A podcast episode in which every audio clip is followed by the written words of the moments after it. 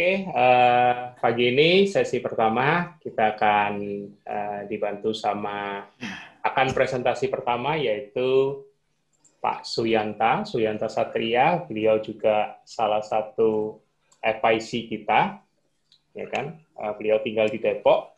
Uh, apakah Pak Suyanta sudah hadir? Halo Mas.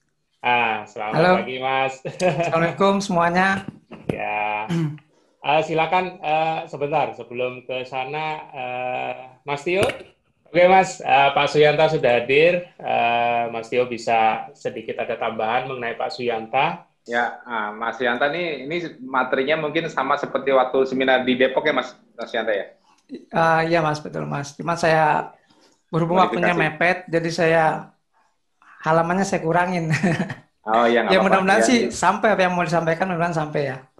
Amin. Mudah-mudahan hari ini juga banyak newbie yang ikut yang pengen tahu apa itu ketofastosis dari basicnya atau newbie yang baru masuk grup. Nah, ini hmm. penting nih untuk kita memang selalu penting untuk pengulangan. Jadi di KF itu intinya semuanya repetisi. Ilmu-ilmu yang sudah kita sampaikan dulu bahkan yang sampai sekarang mungkin sudah lebih advance bagian senior-senior untuk mendalaminya, tapi kita tetap penting untuk mengulang-ulang dasar dari apa itu ketofastosis dan uh, tahu cara menjalankannya itu paling penting dan dapat uh, rasionalisasinya apakah gaya hidup ini sehat atau tidak, cocok atau tidak, efektif atau tidak untuk fungsi terapeutik maupun fungsi profilaktik pencegahan. Oke, uh, tanpa menunggu lama, kita langsung lanjut ke presentasi dari pemateri pertama yaitu Mas Yanta Mas Yanta Satria. Oke, Silakan Mas Yanta. terima kasih Mas Tio. Oke, terima kasih semuanya. Assalamualaikum warahmatullahi wabarakatuh. Oke, hari ini uh, saya diminta untuk uh, present uh, tentang uh, apa itu ketofastosis. Jadi uh, ini pengetahuan dasarnya sekali ya. Jadi saya lanjut aja. Oke. Pertama saya mau bahas tentang penyakit. Uh, seperti kita ketahui penyakit itu uh, dikategorikan berdasarkan uh, umumnya dua ya, penyakit akut atau acute disease dan penyakit kronik atau chronic disease. Oke, apa sih uh, penyakit akut dan kronik itu? Nah, ini saya coba kutip dari website uh, alodokter.com. Di sini dijelaskan bahwa penyakit dapat dikatakan akut apabila seseorang menderita suatu penyakit dalam waktu relatif singkat, yaitu kurang dari enam bulan. Artinya penyakit akut ini uh, sembuhnya sebentar, cepat. Contohnya apa? Contohnya tipes ya. Tipes itu kalau kita kena tipes, kita masuk rumah sakit, dirawat seminggu atau dua minggu, pulangnya langsung sembuh. Si tipesnya hilang. Nah, itu artinya itu penyakit akut.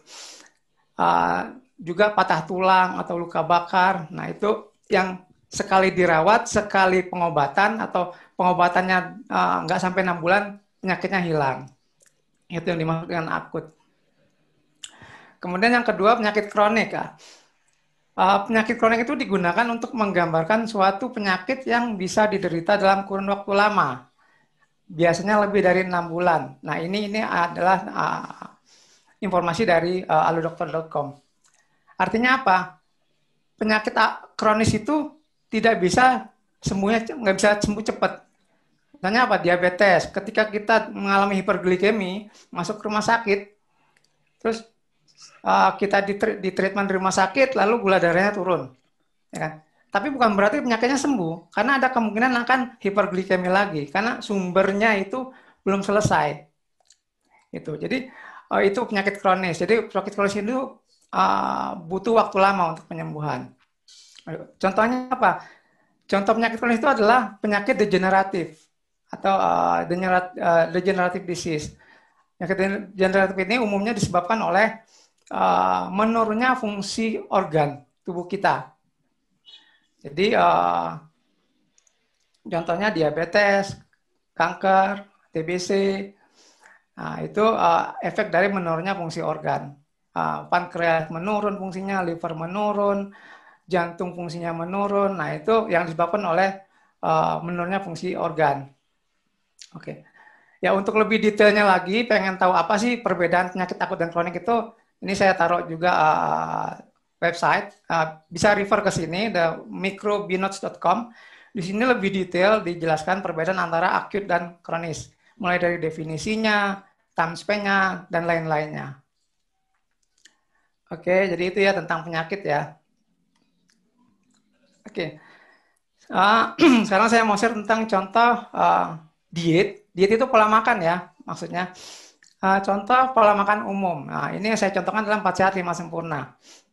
Ini cuma contoh ya, saya nggak tahu ini terjadi di mana, tapi ini mungkin sangat terjadi. Ya kan, contohnya 4 sehat 5 sempurna itu kan kita harus sarapan wajib ya.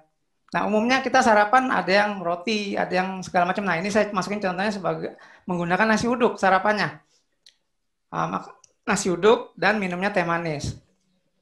Kalau kita hitung kalorinya, nasi uduk dan teh manis ini bisa mendapatkan 500 kalori dari sekali makan ini. Nah, ini bisa detailnya bisa dihitung di uh, ID. Kita bisa tahu berapa kalori satu nasi, uh, satu piring nasi, bihun, telur, itu bisa dihitung. Lalu kemudian makan siang, uh, misalnya saya ambil contoh makan nasi padang, minumnya es teh manis.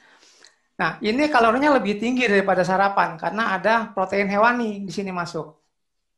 Nah, kalori yang bisa didapat dari makan siang ini ya kira-kira kurang lebih 750 kilokalori. Gitu.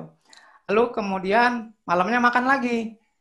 Malamnya kita makan lagi, ah, contohnya kalau kita makan pecel lele atau nasi goreng, gitu kan, itu estimasi kalorinya kurang lebih sama dengan makan siang karena porsinya hampir sama. Kira-kira 750 kilokalori. Nah, kalau kita total jumlah kalori, kalori dari sarapan pagi, makan siang sampai makan malam itu ya kira-kira 2000. Kalau dari contoh ini ya. Nah, kira-kira 2000 kalori. Oke. Nah, tapi kan umumnya orang kita ini makanya nggak tiga kali pasti di antara sarapan pagi dengan makan siang atau makan siang dan makan malam kita ngemil ya kan kita ngemil kita makan yang lain. Contohnya kita makan bakso atau makan es campur. Ini di sini hanya contoh aja. Somai atau es cendol duren atau mie ayam es doger whatever lah. Pokoknya di antara uh, waktu makan itu umumnya kita isi dengan ngemil. Artinya apa? Artinya kemungkinan kalori yang masuk hari itu akan lebih dari 2000 kalori. Itu. Jadi ini yang saya mau ceritakan bahwa uh, pola hidup yang sekarang ini rata-rata uh, asupannya tinggi kalori atau uh, over nutrien ya. Gitu. Oke, sekarang kita coba hitung berapa sih kalor kalori harian yang uh, normal ya Nah, contohnya untuk uh, jenis kelamin wanita dengan tinggi badan 160 cm dan berat badannya ideal. Di sini saya masukin 58 kg. Kalau berdasarkan uh, kalkulator kalori yang ada di doktersehat.com, maka akan didapat hasil tabel yang di tengah ini. Jadi kebutuhan kalori per harinya dibagi berdasarkan usia dan tingkat aktivitas. Nah, berdasarkan tabel ini kita bisa lihat bahwa Semakin aktif berolahraga, maka kebutuhan kalorinya semakin tinggi. Semakin tua usia, kebutuhan kalorinya akan semakin rendah. Tuh, kita bisa lihat di sini wanita yang tinggi 160 dengan berat badan 58, kalau dia usianya di atas 30 tahun dan jarang berolahraga, itu kita lihat kalori yang dibutuhkan di bawah 2000. Sekitar 1700-an. Gitu. Apa yang terjadi kalau wanita ini pola makannya seperti yang tadi?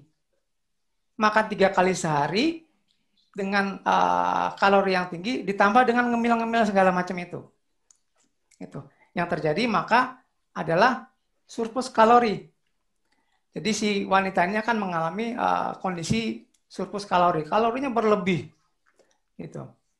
Kalau ini dilakukan setiap hari berulang-ulang, nah itu nanti saya jelaskan berikutnya. Oke, kita next slide. Oke. Bagaimana sih efek dari surplus kalori atau over makronutrisi uh, dengan pola makan sehat sempurna itu? Oke. Ini saya contohkan dalam tubuh manusia itu ada tiga uh, bagian yang bisa menampung kalori. Yang pertama jelas sel. Sel tubuh kita dia akan menyerap kalori karena dia butuh kalori untuk melakukan metabolisme jantung itu dia bekerja itu karena dia butuh kalori. Kita jantung kita bekerja, otak kita berpikir, mata kita melihat, Ya kan? Semua organ tubuh kita membutuhkan kalori untuk melakukan uh, metabolisme. Pankreas kita dia butuh kalori untuk menghasilkan uh, apa hormon uh, insulin atau menghasilkan glukagon. Gitu. Jadi semua sel tubuh kita membutuhkan kalori untuk uh, melakukan metabolisme. Oke, selain sel kita juga punya tempat untuk menyimpan kalori yang lain, yaitu uh, glycogen store. Glycogen store itu ada ada dua. Yang pertama di uh, otot muscle. Jadi di otot kita ini akan menyimpan uh, kalori juga dalam bentuk glikogen bentuknya. Nah, tapi ada daya batas maksimalnya. Di otot itu paling uh, tinggi itu 2000 kilokalori. Uh, daya tampung uh, glikogen dalam otot kita. Lalu uh, glikogen itu bisa bisa ditampung juga di liver. Tapi nggak banyak, hanya kurang lebih 300 kilokalori daya tampung kalori di uh, glikogen di liver. Oke, selain itu ada uh, kita menyimpan kalori itu dalam bentuk lemak. Nah, nah kita nyimpannya di fat store atau adipose tissue. Nah, adipose tissue ini ada ada di otot, ada juga di adipose tissue yang lain. Itu. Kalau di otot itu daya tampungnya hanya sekitar 4000 kilokalori. Kalau di adipose yang lain kayak seperti misalnya subcutaneous adipose tissue, uh, visceral adipose, uh, visceral fat, adipose tissue itu ada marrow fat. Uh, yang paling bahaya itu yang ectopic fat, ectopic fat itu uh, dia nyimpannya di organ. Oke. Okay.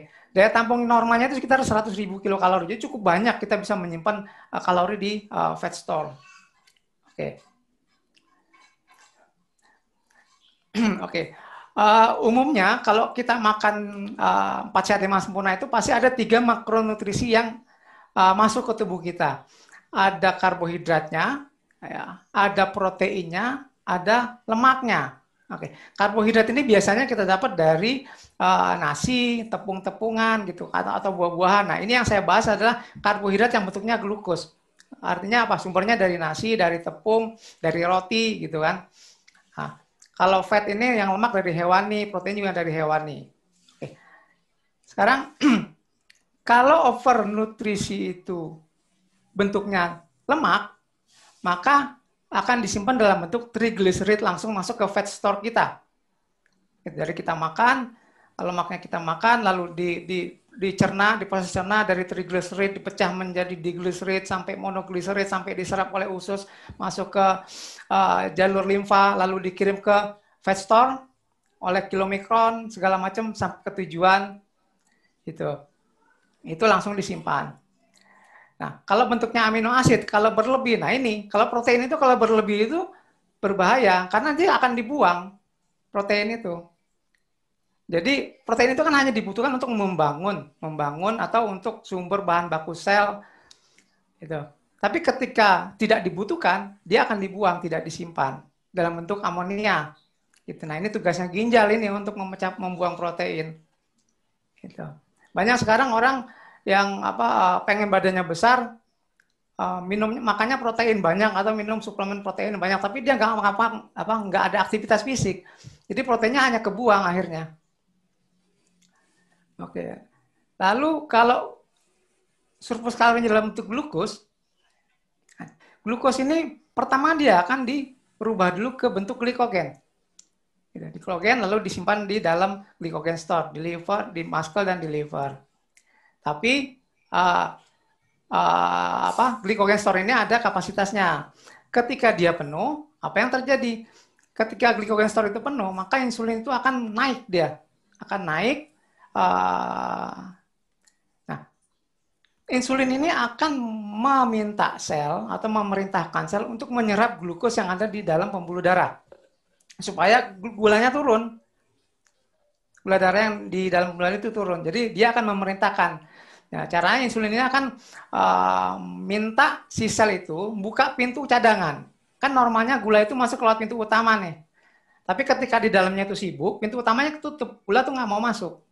Lalu insulin itu akan minta sel untuk buka pintu yang lain supaya gulanya bisa masuk. Kira-kira analoginya seperti itu. Oke, secara bersamaan juga insulin ini akan mengaktifkan proses de novo lipogenesis. Jadi proses ini adalah untuk merubah glukosa menjadi lemak. Supaya apa? Supaya bisa disimpan. Nah, jadi fungsi insulin di sini dia akan minta sel untuk menyerap uh, glukosa dan juga dia akan mengaktifkan proses dalam polipogenesis. Lalu gula-gula itu dirubah menjadi triglycerid, triglyceridnya lalu masuk ke fat store. Gitu. Jadi lemak kita tinggi ini bukan hanya karena kita makan lemak, kita makan karbo pun kalau tinggi akan jadi lemak juga gitu. Oke, nah sekarang apa yang terjadi kalau sel itu sudah nggak bisa lagi menerima perintah insulin? Gitu. Misalnya di dalam selnya sendiri udah nggak sanggup menerima gula uh, glukosa dan insulin. Uh, banyak, misalnya contohnya uh, mitokondrianya banyak yang damage, rusak gitu, atau mitokondrianya nggak berfungsi. Nah, kondisi ini maka terjadi adalah penolakan insulin. Sel itu akan mengabaikan, akan muncullah kondisi insulin resisten. Jadi ketika sel itu sudah tidak bisa merespon insulin lagi, maka akan tercipta kondisi baru insulin resisten. Nah, efek dari insulin resisten ini otomatis akan uh, terjadi hiperglikemia terus-terusan. Sebelumnya pernah terjadi, tapi memang dalam waktu dua jam turun karena karena uh, diserap oleh insulin dan ditrans, dikonvert menjadi uh, fat. Tapi kalau sudah insulin resisten, nah ini yang agak repot karena hiperglikeminya nggak akan hilang-hilang. Nah, ketika gula darah itu tinggi terus di, di, di uh, darah, yang terjadi insulin akan naik terus, gitu. Karena nganggapnya gulanya nggak turun-turun glukosanya. Nah, akan terjadilah kondisi hiperinsulinemia. Gitu. Ketika dua kondisi ini terjadi, hiperglikemia dan hiperinsulinemia, maka yang terjadi adalah apa pun yang kita makan itu akan otomatis dirubah menjadi fat. Itu akan menjadi akan disimpan akan disimpan ke mana nyimpannya? Ke fat store. Nah ini saya kasih gambar contoh fat store itu ada ada enam uh, uh, jenis ya. Ada yang nyimpannya di dada, perut segala macam. Ada yang cuma di di uh, perut aja, visceral fat. Ada yang di paha, bokong segala macam. Maaf. Ada yang di paha dan kaki. Ini ini hanya contoh saja. Ini normalnya, normalnya seperti ini. Oke. Nah, kalau ini terjadi terus menerus berulang-ulang, pola makannya nggak berubah setiap kali over kalori, over kalori, over kalori, Nah, setiap hari nyimpen-nyimpen terus, yang terjadi akan obesitas. Gitu. Jadi akan menggemuk badan. Nah, tapi ini belum belum sakit sebenarnya, masih gemuk aja kondisinya. Gitu. Nah, saya pernah ngalamin ini, saya kasih lihat. Ini dulu ya, ini oh, apa ya? Masa lalu. Oke, nah, tapi yang paling berbahaya dari kondisi ini adalah efek dari hiperglikeminya. Karena kalau hiperglikeminya itu terus-menerus setiap hari, maka uh, ada uh, apa ya kondisi baru yang akan terjadi, yaitu pertama glycation. Jadi gula itu rentan sekali dengan uh, akan uh, lengket ke mana-mana. Jadi dia akan uh, mengikat apa pun, lemak dan protein itu akan diikat oleh gula itu pada saat kondisi hiperglikemia. Lalu otomatis kondisi hiperglikemia ini akan memicu uh, reaktif oksigen spesiesnya akan naik drastis. Sebenarnya ROS ROS ini ini normal kondisinya, tapi bisa dikendalikan kalau kalau jumlahnya uh, dalam batas normal. Tapi kalau kondisi hiperglikemi dia sudah di atas normal, susah dikendalikan. Efek dari uh, ROS yang tinggi ini ini bisa merusak mitokondria. Nah, akibatnya apa? Akibatnya akan terjadi mitokondrial dysfunction. Efek dari uh, tingginya uh, reaktif oksigen spesies ini. Oke, mudah-mudahan uh, bisa ditangkap ya. Oke, jadi oke. Nah, ini saya uh, jelaskan sedikit apa sih glikasi itu. Nah, menurut uh, Wikipedia ORG, uh, glikasi itu adalah proses pengikatan oleh molekul glukosa terhadap protein atau lemak tanpa reaksi enzim. Jadi nempel aja tanpa ada bantuan enzim. Efek dari glycation ini, contohnya ada tiga. Bisa terjadi pengerasan, bisa terjadi pengkakuan, bisa terjadi pelengketan. Ya kan? Kalau misalnya dia melengket, uh, uh, dengan protein, nah protein apa aja yang sangat uh, rentan? Nah, karena glukosa ini dalam pembuluh darah, biasanya protein yang dalam pembuluh darah yang sangat rentan terhadap glikasi. Contohnya hemoglobin. Makanya uh, kita selalu sering dicek HbA1c. Sebenarnya itu untuk mengetahui uh, kadar glikasi uh, dari glukosa terhadap uh, hemoglobin. Itu. Juga fibrinogen kolagen. Nah, ini sangat rentan sekali oleh proses glikasi dan lain-lain masih banyak lagi. Oke. Nah, mitokondria dysfunction apa sih itu? Oke. Mitokondria itu adalah pembangkit energi. Dia adalah mesin. Mesin untuk menghasilkan energi yang terdapat di dalam sel tubuh kita. Jadi di dalam sel tubuh kita itu ada mesin yang namanya mitokondria, fungsinya untuk menghasilkan energi. Nah, setiap sel itu jumlah mitokondria berbeda-beda. Ada yang sedikit, ada yang ribuan. Gitu. Jadi contohnya liver. Liver itu jumlah satu mitokondria dalam satu selnya itu ribuan. Karena dia harus kerja keras untuk merubah uh, lemak menjadi gula, dia harus eh sorry mengubah uh, gula menjadi lemak dan sebaliknya. Gitu. Nah, kalau sampai terjadi mitochondrial dysfunction atau mitokondrianya damage, rusak, itu berarti akan terjadi kondisi gagal fungsi pada atau kondisi fungsinya menurun pada organ. Itu. Jadi organ yang sehat itu adalah organ yang memiliki mitokondria yang sehat. Itu. Bagaimana kalau misalnya uh, pankreas kita mitokondrianya rusak, damage atau gagal fungsi? otomatis akan mengganggu fungsi si pankreas itu untuk menghasilkan hormon. Begitu juga kalau terjadi di liver, begitu juga kalau mitokondria terjadi di organ-organ penting yang lain, pasti akan mengganggu fungsi dari organ tersebut, nggak akan maksimal kerjanya. Nah, mitochondrial dysfunction ini sering uh, apa ya, jadi akar permasalahan berbagai macam penyakit saat ini. Contohnya di sini kita bisa lihat diabetes dan metabolic syndrome itu juga erat hubungannya dengan mitokondria dysfunction. Nah, infeksi kronis juga masalahnya mitokondria dysfunction. Autoimun sendiri yang sekarang muncul sering muncul itu itu sebagian besar penjawabnya adalah mitokondria dysfunction.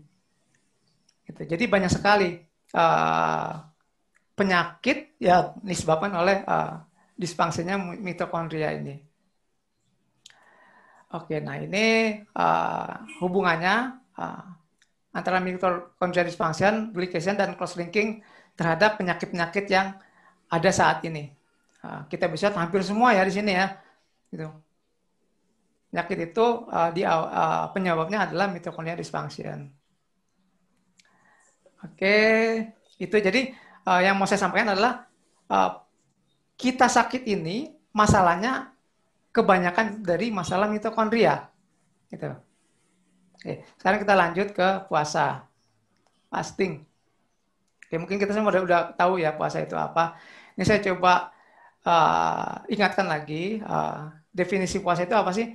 Menahan diri atau menjaga hawa nafsu untuk tidak melakukan hal tertentu dalam kurun waktu tertentu kan kita menahan diri nih. Jadi misalnya tidak makan atau tidak berbicara yang buruk-buruk atau apa pun. Kita menahan diri untuk tidak melakukan hal tertentu itu dalam kurun waktu tertentu. Ya kan? Hitungan jam atau hitungan hari atau hitungan whatever.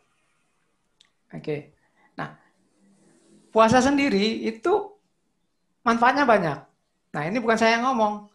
Ini saya ambil contoh dari websitenya pemerintah kita. Gitu.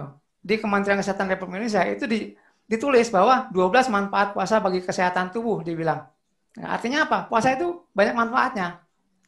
Nah, ini saya rangkum. Uh, ada 12. Itu.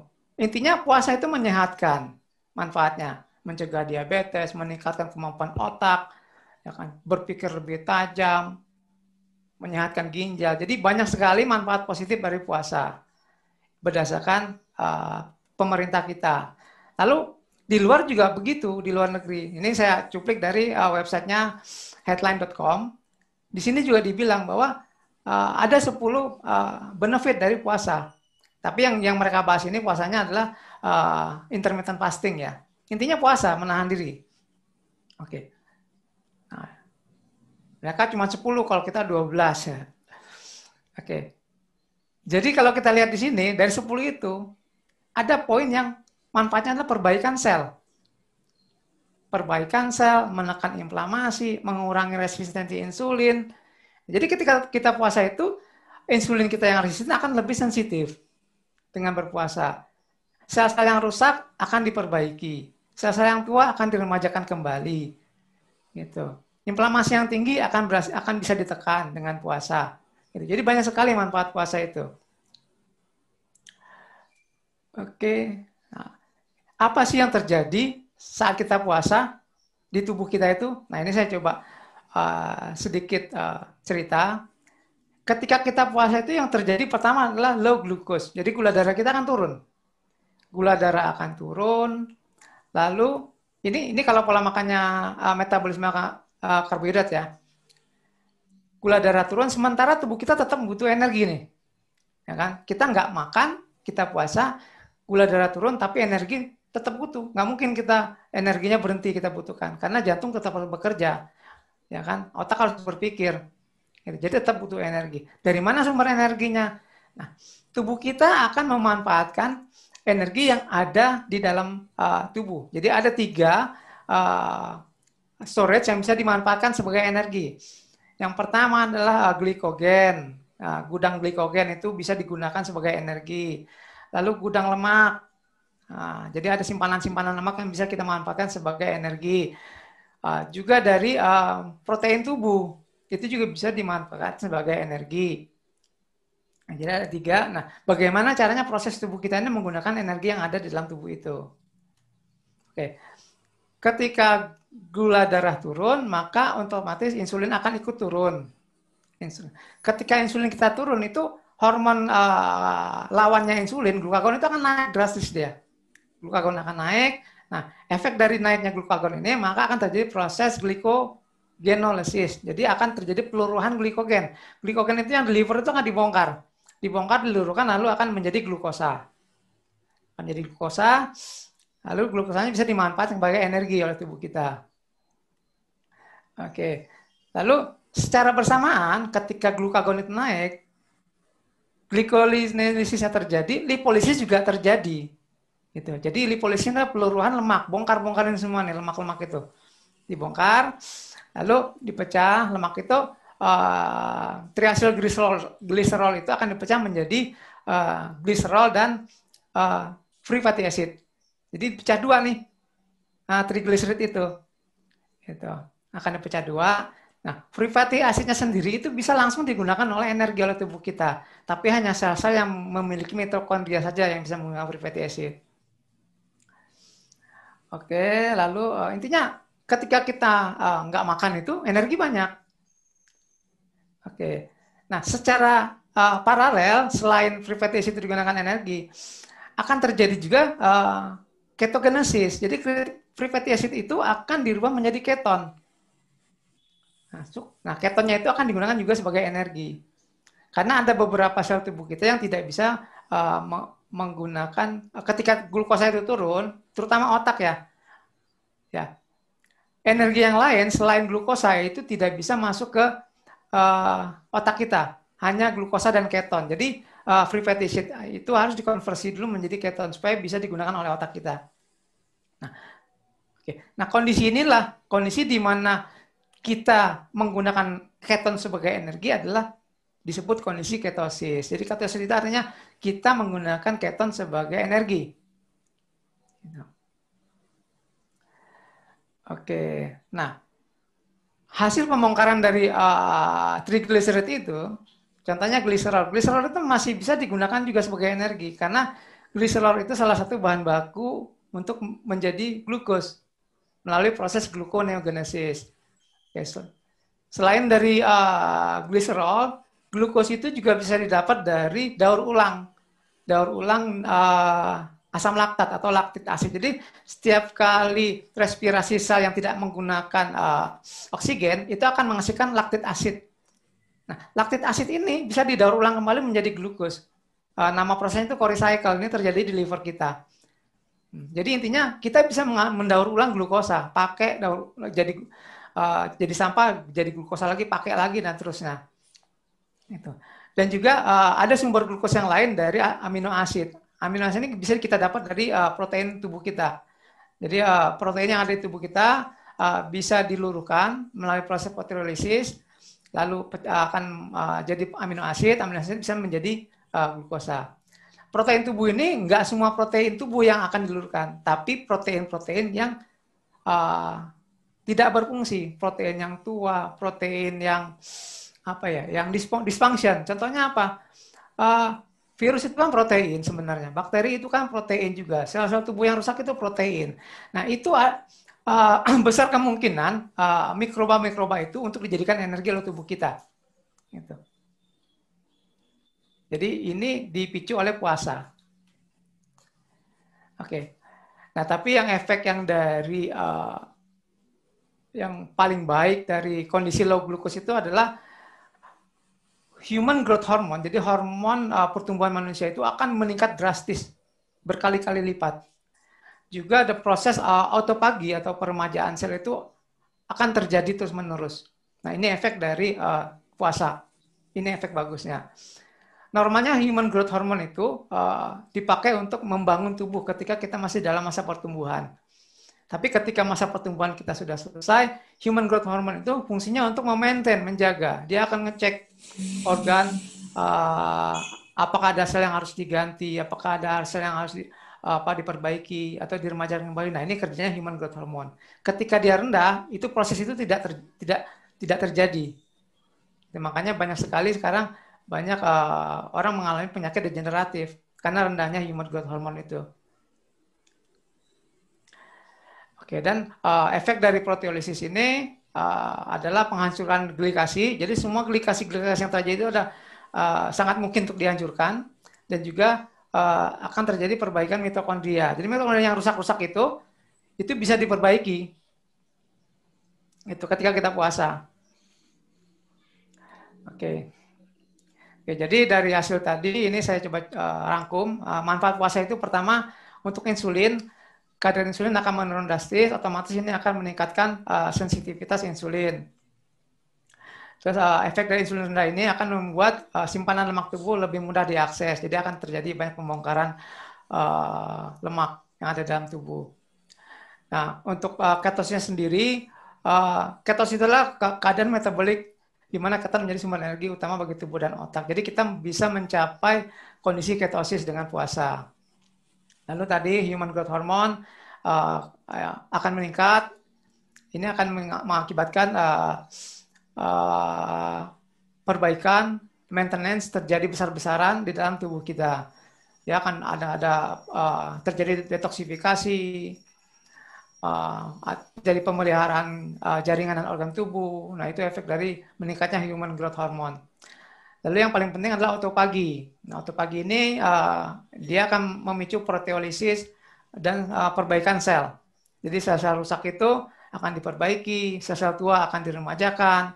Gitu. Jadi uh, ini yang terjadi karena autopagi. Nah, jadi sangat-sangat baik sekali manfaat puasa itu bagi tubuh kita.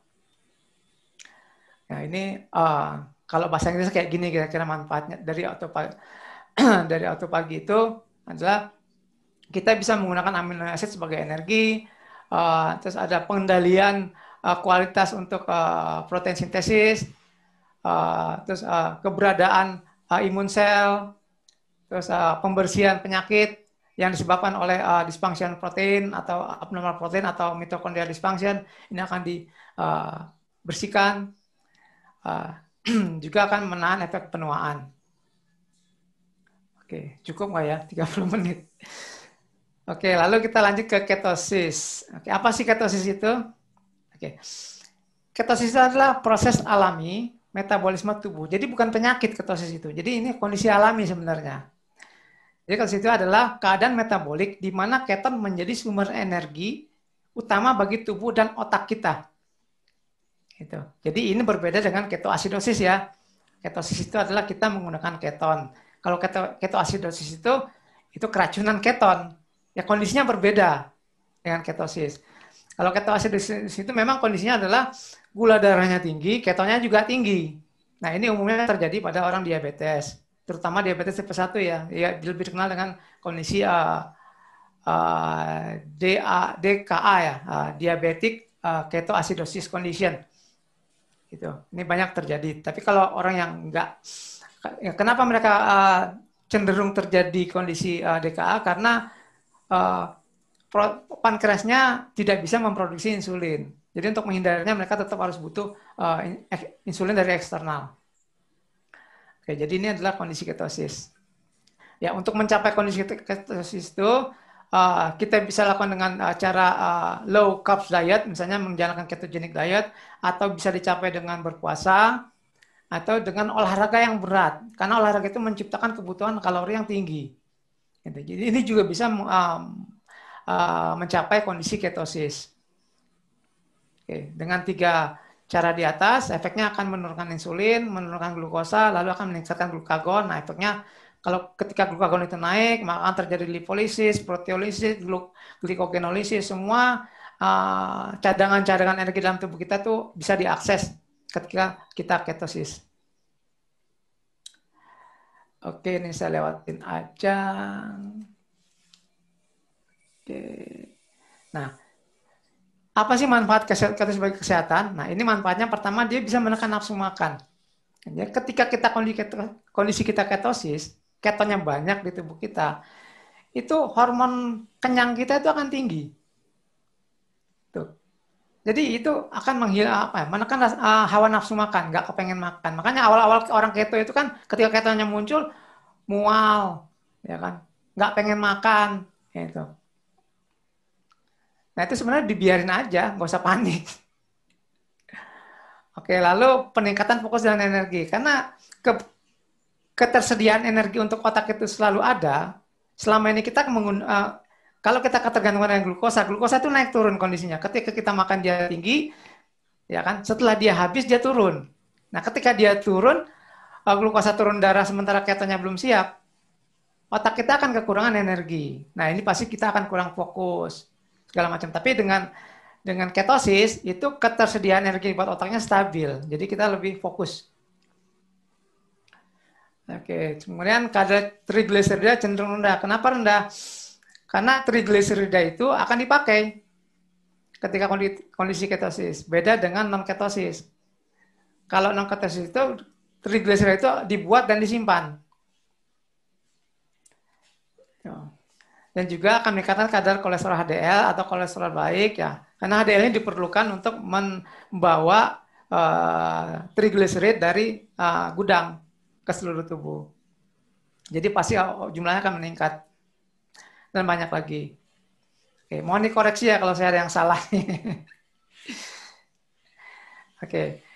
Nah, jadi uh, kalau kita lihat uh, manfaat ketosis bagi kesehatan ada dua poin penting yang bisa menekan hawa nafsu makan dan bisa meningkatkan fokus uh, dan energi. Nah, ini sangat penting bagi kita ketika kita puasa. Jadi puasa kita akan jadi lebih ringan dengan kondisi ketosis. Gitu. Jadi kenapa kita harus ketosis? Karena puasanya jadi lebih ringan. Gitu. Itulah benefit dari ketosis bagi kita. Oke, nah ini uh, apa sih ketopastosis itu?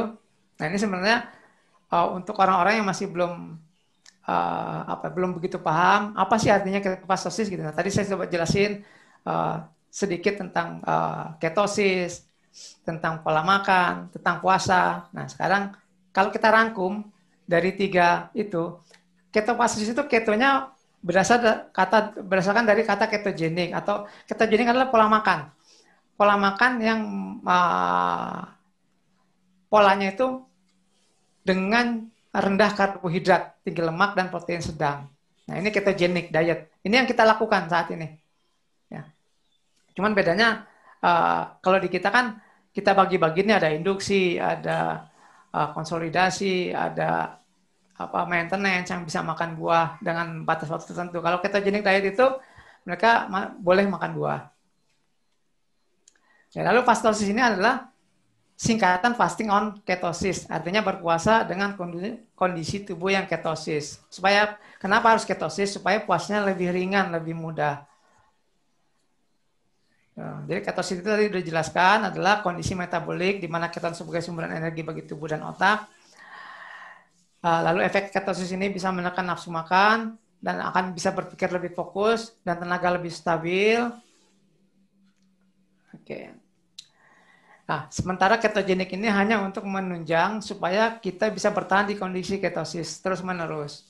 Karena kalau kita tidak uh, menjalankan pola makan ketogenik, uh, ada kemungkinan besarnya kita akan bisa membatalkan kondisi ketosis. Nah ini yang terjadi uh, misalnya dengan kondisi orang yang di uh, pola makannya OCD ya, mereka intermittent fasting tapi tidak melakukan uh, apa, tetap pola makannya menggunakan uh, kondisi umum ya, tetap makan high karbo. Jadi bisa jadi ketika mereka puasa mereka ketosis, ketika uh, jendela makan mereka batal ketosisnya, sangat mungkin terjadi.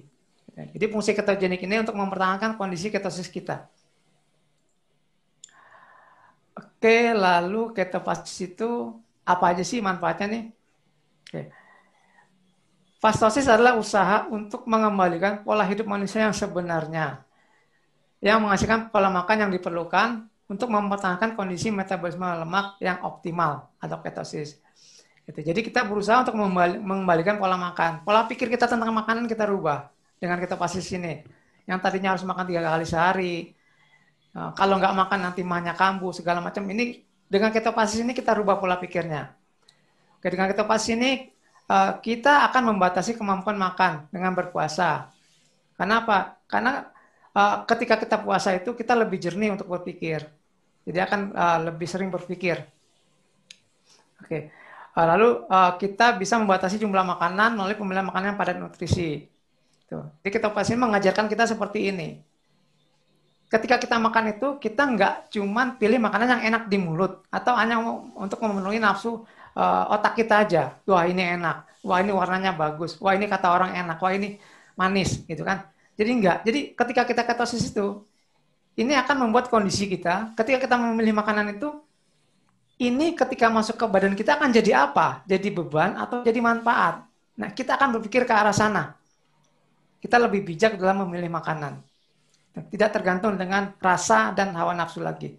Kita lebih mementingkan apa manfaat makanan itu kalau masuk ke tubuh kita. Gitu. Jadi kita bisa membatasi jumlah makanan. Kita bisa memilih makanan yang benar-benar bermanfaat. Oke. Terus dengan ketosis ini juga kita akan bisa membatasi pilihan makanan yang eh, benar-benar penting. Jadi kita memilih nutrisi yang esensial. Gitu. Esensial apa penting? penting itu artinya harus dapat dari luar karena tubuh kita nggak bisa buat.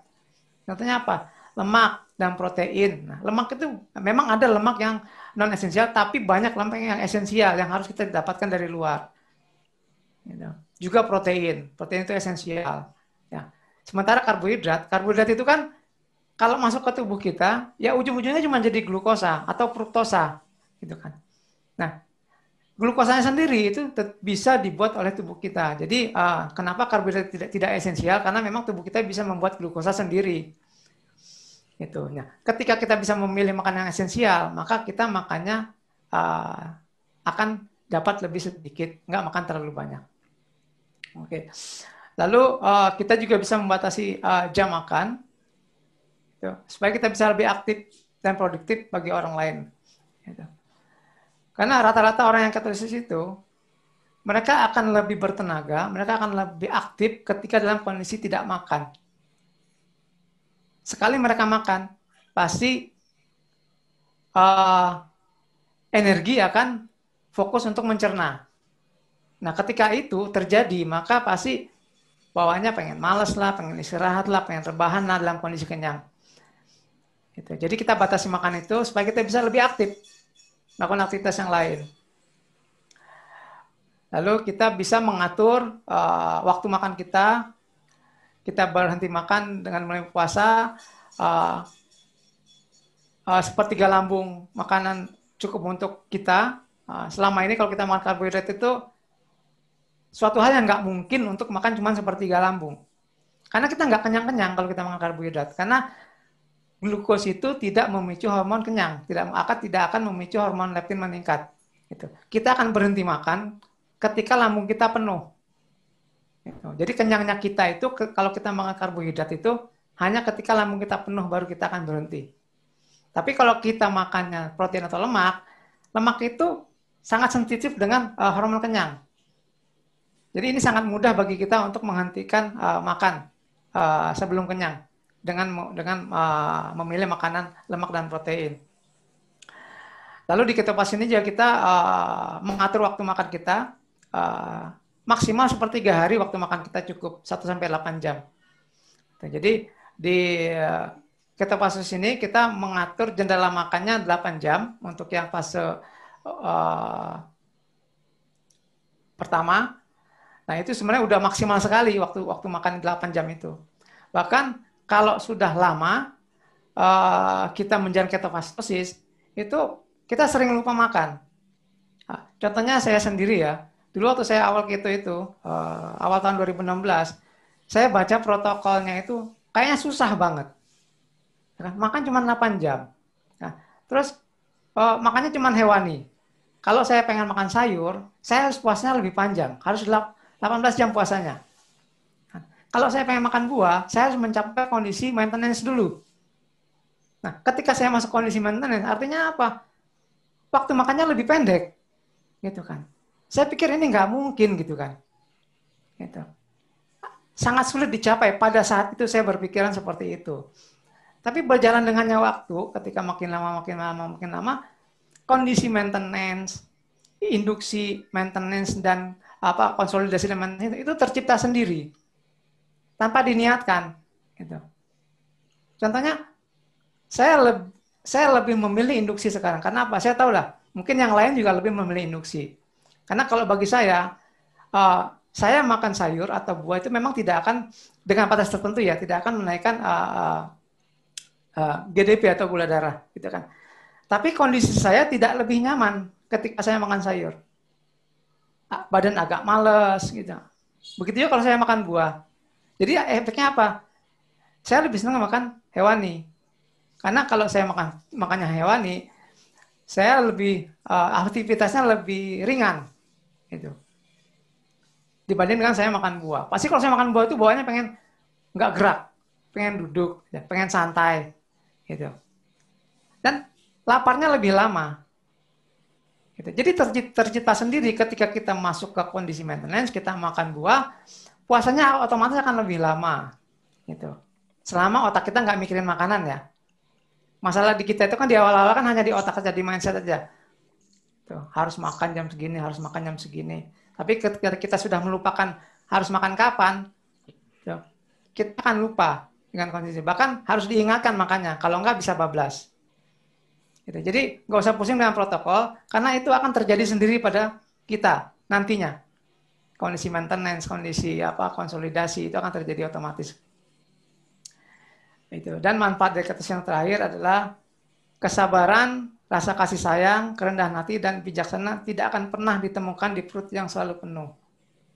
Itu. Jadi kalau orang yang kondisinya uh, perutnya nggak penuh atau puasa, itu pasti lebih sabar, cenderung lebih rasa kasih sayangnya lebih tinggi, lebih rendah hati, lebih bijak. Ya kita bisa lihat contoh uh, senior-senior kita yang sudah lama menjalani ketosis, mereka lebih bijak gitu. Saya nggak usah sebutkan, kalian bisa lihat sendiri siapa-siapa orangnya. Nah, jadi cenderung ke arah sana kalau kita menjalankan uh, ketofastosis.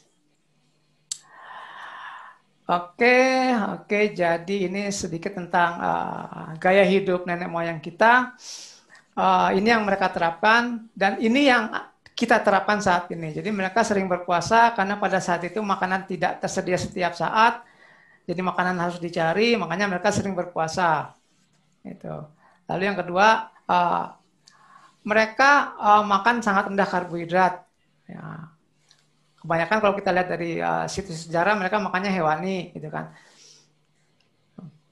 Lalu mereka juga aktif, aktivitas fisik, jarang yang duduk-duduk karena mereka harus mencari makan. Nah, itu aktivitas tinggi. Dan juga mereka nggak ada beban pikiran saya nggak tahu ya. Sepertinya dibanding kita yang saat ini lebih banyak berpikir ya. Gitu, kita mikirin ini, mikirin kebutuhan, mikirin utang segala macam. Ya ini uh, jadi lima poin ini uh, yang terakhir dari tidur berkualitas yang yang kita terapkan di uh, ketofastosis. Jadi pelan-pelan lah. Memang bagi orang yang pertama memang agak sulit memenuhi semua, tapi saya yakin bisa. Gitu. Semua akan tercipta tercipta sendiri dengan sendirinya, tidak usah dikejar. Itu.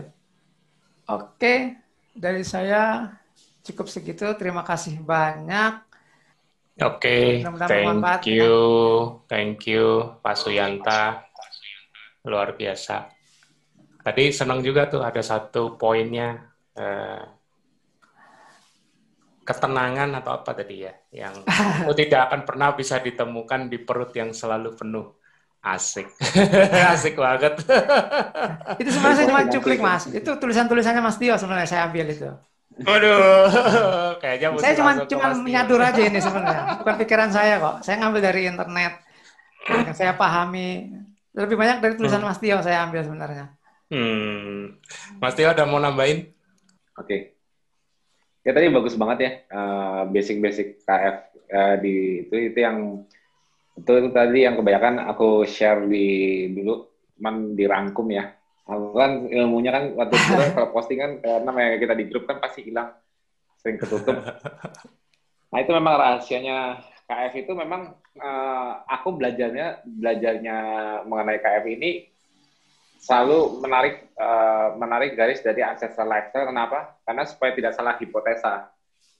Seperti hmm. TFH atau SMA sebelumnya aku bilang kalau sekarang ada penelitian bahwa breakfast is the most important meal itu terbukti secara jurnal maupun RCT sekalipun itu kenapa bisa miss hipotesa? Kenapa? Karena e, membatalkan semua kejadian alami yang terjadi di masa lalu. Walaupun hmm. hasil hasil penelitiannya benar karena diteliti di kondisi modern di mana tenaga yang didapatkan memang karena karena mengandalkan glukosa tadi dijelaskan juga di materinya yaitu gliko, mengandalkan glikogenolisis. Jadi tubuh kita bersifat glikogen sentrik artinya saat glikogen masih ada, masih bisa support, nah, kita masih bisa pakai. Nah, pada saat makanya kita sering sering berpikiran bahwa energi itu sumbernya dari makanan. Karena apa? Karena kita di kondisi modern sekarang ini tubuhnya glikosentrik, bukan liposentrik. Sentrik itu sentrik itu artinya ber, ber, mengacu kepada gliko, keadaan glikogen, stok glikogen kita, dan juga kepada keadaan glukos. Itu glikosentrik hmm. itu seperti itu. Hmm. Kalau liposentrik mengacu kepada keberadaan lemak di badan kita yang hmm. paling banyak jelas kita di tubuh kita ialah lemak. Selin apa pun kita, lemak kita tidak mungkin apa kurang dari 10% lah rata-rata kecuali yang di dengan metode khusus bisa di bawah 10%. Hmm. Tapi intinya lemak kita itu sangat cukup untuk startup kita survive mencari makan.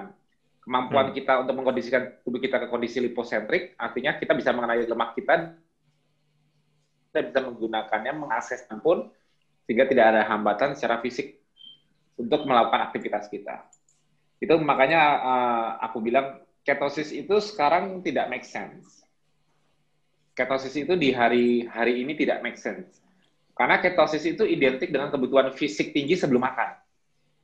Kalau sekarang hmm. kebutuhan fisik tinggi sekalipun bisa dipenuhi dengan kita makan lebih dulu.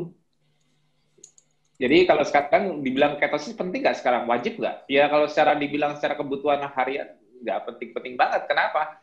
Karena semua orang bisa bisa makan sebelum bekerja. Karena pekerjaan mereka walaupun untuk untuk mendapatkan makanan berikutnya, pekerjaan mereka rata-rata bukan mencari makanan itu sendiri, tapi mencari uh, uang untuk bisa membeli makanannya. Dan untuk mencari uang, itu dia di sebelah Mas Suyanta tadi, kita sekarang lebih banyak pakai otak Nah, makanya kalau dibilang masih ada di zaman dulu stres apa ya? Nggak ada utang, nggak ada ya stres mereka cuman stres kondisi kalau ketemu predator. Karena manusia di masa lalu juga juga dipredasi oleh hewan lain.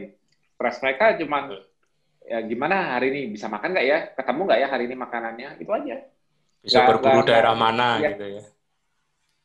Eh, psychosocial stressnya rendah di masa lalu. Kalau sekarang tinggi, ya kita harus berusaha ikhtiar gimana manajemen stres kita bagus.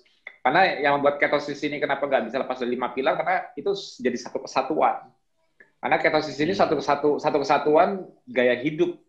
Tubuh kita bingung nanti kalau kita misalnya gini, kita ketosis, tapi kita kerjanya tidur dan duduk terus. Tubuh kita berpikir kita kelaparan. Tubuh kita malah berpikir kita seperti tahanan perang yang nggak yang sedentari, yang nggak bisa ke mana-mana, ditahan atau terjebak di sesuatu tempat yang nggak bisa ke mana-mana, tapi ketosisnya jadi bukan mie gimana? Tubuh tahu kalau ketosis itu penting karena apa? Karena nih orang dari pagi belum dapat sumber makanan. Jadi ketosisnya berjalan terus, berpikiran bahwa dia bakal mendapatkan di, di siang atau sore harinya. Itu yang membuat hmm. tubuh kita berpikir bahwa ketosis ini fisiologi yang normal. Jadi kalau kita mengketosiskan tubuh kita, tubuh kita persis seperti ancestor kita persis di kondisi tubuh kita tidak kenal timeline hari ini. Tubuh kita taunya ialah timeline di mana ini orang ketosis nih, aku sengaja nggak makan karbo. Tubuh ini bakal berpikir berarti ini orang butuh energi untuk dia supaya bisa makan karena pagi-pagi belum langsung makan. Makanya kita di pagi hari kebanyakan yang sudah adaptasi ketosis malah seger. Karena apa? Karena kita dikasih dikasih boost. Karena ketosis itu selalu memberikan boost kita di pagi hari terutama kalau kita banyak bergerak, kita makin diberi lebih dengan melepas lemak lebih banyak dari body fat kita dilepas ke darah lebih banyak sehingga bisa diakses tubuh kita hmm. untuk kita bergerak. Makanya itu, itu sebabnya ketosis itu sangat make sense dengan anti sedentary dengan hmm. high physical activity. Hmm. Jadi sedentary itu make sense dengan metabolisme sekarang. Kenapa? Hmm. Metabolisme di mana energi mudah didapat dari makanan sebelum kita melakukan apa pun. Kalaupun kita tidak melakukan apa pun karena kita sudah makan, no, no worry. Hmm. Kenapa? Kan kan kan energinya nggak hilang. Akhirnya kita yes. lebih banyak jatuhnya mager, sedentary. Hmm. Karena toh nggak ada kebutuhan. Tapi kalau orang di masa lalu kalau dia nggak bergerak selesai, dia bisa mati kalau dia nggak ada usaha untuk makan. Itu rahasianya. Dan tadi juga uh, membahas mengenai autofagi udah sempat diangkat juga sama Mas Yanta itu bagus banget. Ya, itu autofagi itu uh, di mana tubuh kita tuh bisa merecycle uh, merecycle protein-proteinnya tidak digunakan atau yang justru malah menyebab, menyebabkan penyakit kronik karena hmm. kekronikan suatu penyakit atau disfungsi suatu suatu penyakit identik dengan akumulasi protein tidak terpakai di level selnya apa pun itu. Mau mau hmm. di sel. Jadi jadi akumulasi protein di level di level sel yang ujungnya juga merusak fungsi mitokondria sebagai uh, generator untuk respirasinya, generator energi. Otomatis kondisi puasa akan membersihkan protein-protein tersebut sehingga sel kita itu efisien dalam merecycle amino acid. Jadi hmm. di setiap sel itu amino acid poolnya akan di recycle dengan secara efisien dan menjaga, menjaga integritas setiap mitokondrianya untuk menghasilkan ATP energi secara efisien pula. Hmm. Itu rahasianya. Hmm. Nah, jadi makanya aku bilang itu. Kalau kita perutnya selalu full, maka kita kadang nggak bisa mikir. tapi kalau perut kita perut kita sering kosong, tapi tapi kosong dalam kondisi non non patologi ya, maksudnya kosongnya kosong perut kosong tapi non simptomatis, artinya kita hmm. tidak makan, tapi kita tidak kehilangan energi.